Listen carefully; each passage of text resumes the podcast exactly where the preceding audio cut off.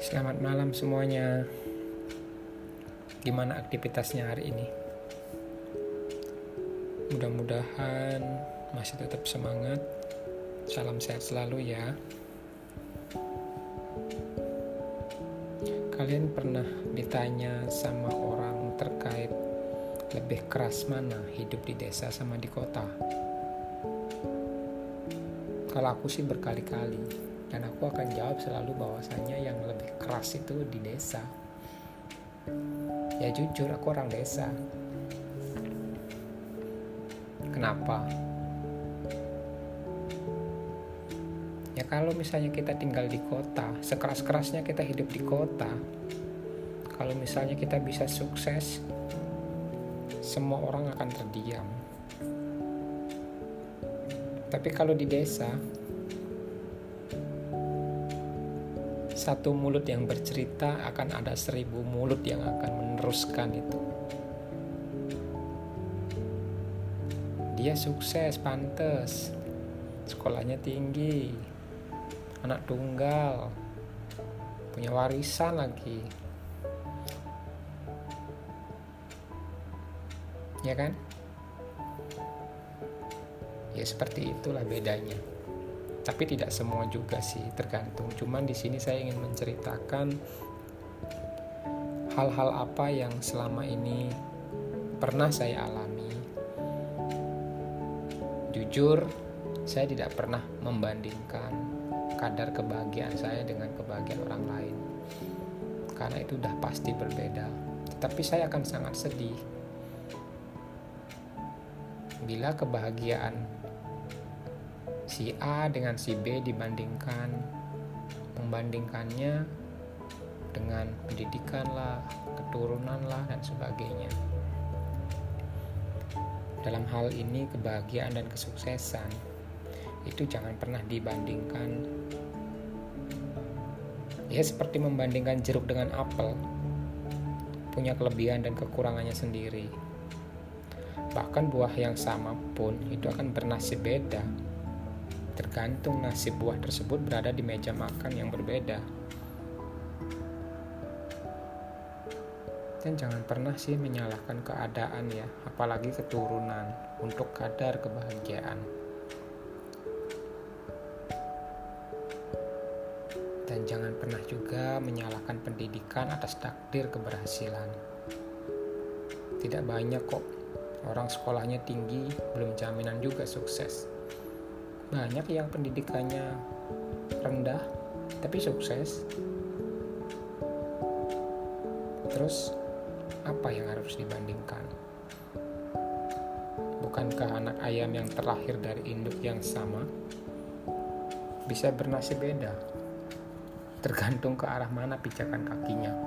Yang satunya digoreng di rumah tangga yang satunya lagi digoreng di restoran terkenal sama-sama anak ayam kan? Begitu juga anak. Setiap anak itu adalah gambaran dari orang tuanya. Iya.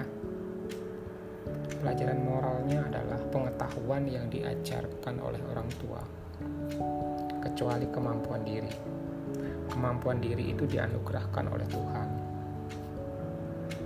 Jadi apakah kau percaya jalan di mana sang ayah menemukan jalan keberhasilan, maka sang anak juga akan mendapatkan jalan keberhasilan.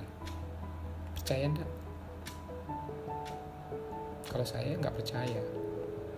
Keberhasilan itu ada jalannya masing-masing. Karena apa? Kita memiliki jatah waktu yang sama loh. Setahun ada berapa hari? 365. Sehari ada 24 jam akan tetapi, setiap orang itu memiliki hasil yang berbeda. Tergantung dari apa? Niat sama semangat. Ada juga yang misalnya dihubungkan dengan kadar keimanan. Hati-hati. Coba dilihat di sekitarannya. Eh, anak itu tidak pernah sholat. Eh, anak itu sering begini, sering begitu. Tapi kok bisa sukses ya? Kok hidupnya nggak pernah susah ya? Coba cari di kitab. Itu sukses apa ujian? Setiap orang itu bisa melakukan segalanya. Tapi pertanyaannya apakah segalanya telah dilakukan? Ini sama halnya orang tuh sering mengeluh. Dikasih saran ya tidak dilakukan tapi mengeluh lagi gitu loh. Dikasih saran tidak dilakukan mengeluh lagi. Ya memang generasi galau seperti itu. Kalau tidak mengeluh tidak akan bahagia hidupnya. Kalau saya menyebutnya generasi galau. Isinya mengeluh aja. Ya kan? Siapa yang seperti itu? Karena pilihannya kita itu mau menjadi siapa bukan menjadi apa jadi jangan pernah pamer orang tuanya itu seperti apa. Anaknya belum tentu akan seperti itu. Ya kan? Mereka itu hanya tahu apa yang kita nikmati tanpa mau tahu apa yang kita perjuangkan. Kuncinya di sana. Giliran kita sudah berada di atas. Orang hanya melihat oh dia nilainya 99 saya minder Padahal jangan salah, 99 tuh hitungannya sama dari nol dulu. Gak ada nilainya tuh dari 100 ke 99. Itu mundur. Namanya sukses itu pasti naik. Startnya pasti nol. Yang dilihat itu pasti 99-nya. Tidak melihat 99 itu dari mana. Tanggung jawab dan kesalahan itu sering tampil berbarengan loh dalam budaya tapi tidak sama. Itu juga perlu kita hati-hati. Tidak ada dogma yang benar di sini ya. Saya cuma hanya bercerita di sini tentang apa yang pernah saya rasakan, apa yang pernah saya dengar, apa yang saya pernah alami dan sebagainya. Makanya saya selalu memberikan bahwa ini bukan dogma yang benar ya. Yang ada itu hanya domba-domba. Apa itu domba? Ya domba yang mirip kambing. Kalau domba putih kalau kambing berarti apa? Kambing hitam. Kambing hitam itu berarti orang yang suka dipersalahkan kan? Anda sering keliru tentang semua hal itu. Saya pun begitu. Semua tergantung dari niat dan menyingkirkan kekeliruan.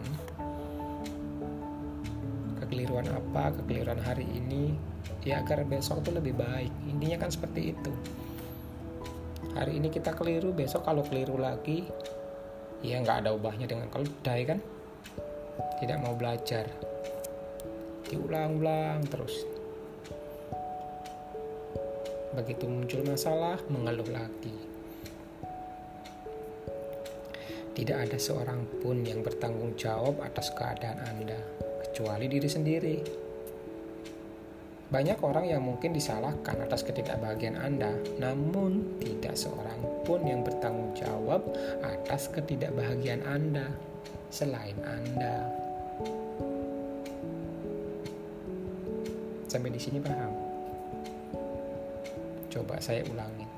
Banyak orang yang mungkin disalahkan atas ketidakbahagiaan Anda. Namun tidak seorang pun yang bertanggung jawab atas ketidakbahagiaan Anda, kecuali diri sendiri.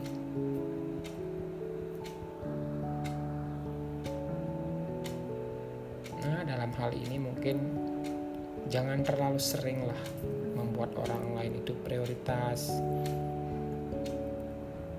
sedangkan kita hanya dianggap pilihan kedua. sekarang kita hitung kamu punya berapa teman kamu punya berapa kawan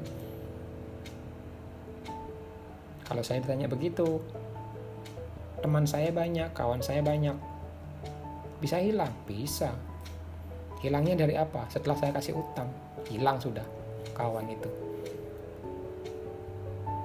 Makanya prinsip saya itu ada dua. Tidak mau utang tidak mau diutangin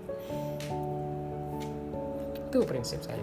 Jadi kalau misalnya Anda mau pinjam uang sama saya, udah hafal dengan prinsip saya. Karena saya lebih baik kita berteman saja. Tidak ada utang-utangan. Jadi bahagiakanlah diri kita masing-masing. Bila Anda belum berbahagia, gimana kita mau bahagiain orang lain? Palsu itu pasti. Ya kan? Terus tidak ada dogma bahwa yang miskin itu tak akan dipedulikan. Padahal suara kentut yang kaya aja bisa jadi rebutan.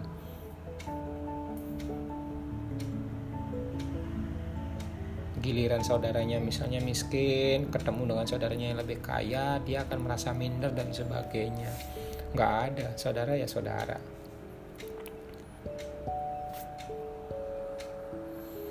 Tidak ada pikiran yang miskin tak dianggap saudara, sedangkan bila kaya, semua orang kan menganggap saudara. Itu yang tadi saya sudah sampaikan.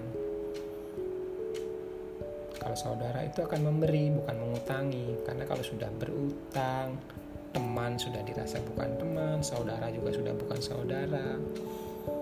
Ya karena utang. Jadinya kita nggak akan bahagia lagi. Karena yang tadinya kita dekat akan menjauh ya bertanggung jawablah atas permasalahan. Itu jauh lebih penting. Karena tidak jarang tuh begini. Saat ada masalah tidak ada orang yang mau bertanggung jawab. Giliran ada keberhasilan semua orang akan berebut tanggung jawab. Saya ulangin ya bertanggung jawab atas permasalahan itu jauh lebih penting ketimbang sering berebut menjadi yang bertanggung jawab atas sebuah keberhasilan. Siapa yang seperti itu? Giliran ada masalah aja cuek semua. Giliran mendapatkan pengakuan dari luar, semuanya akan berebut bahwa itu adalah peran saya yang disebut saya bukan kita, bukan kami. Kamu adalah bos kalau seperti itu, bukan leader. Ya terakhir, bukankah kau percaya karma kan? Kalau saya sangat-sangat percaya karma sampai kapan pun itu. Kemudian lalu kenapa menyalahkan keadaan? Seolah-olah Tuhan itu tidak adil. Yang terpenting saat ini itu jadikan rintangan, tantangan itu sebuah keuntungan hidup. Bukankah pertanyaan baru itu merupakan sebuah pintu menuju jawaban yang baru? Kapan hari saya bercerita ada masalah, tanyakan dengan mengapa. Nanti akan ketemu jawaban karena. Tanyakan lagi mengapa, akan ketemu jawaban karena. Itu yang saya bilang bahwasanya setiap pertanyaan baru akan muncul sebuah pintu menuju jawaban yang baru. Itu tantangan. Hadapi saja setiap permasalahan dengan pengetahuan yang baru. Ingat, hadapi saja setiap permasalahan dengan pengetahuan yang baru. Makanya dari itu, investasi yang baik itu adalah investasi dari leher ke atas. Isi gelas kosongmu Jangan pernah bangga dengan pendidikanmu yang dulu. Dulu mungkin kamu terpelajar, juara, tapi ilmu itu dinamis.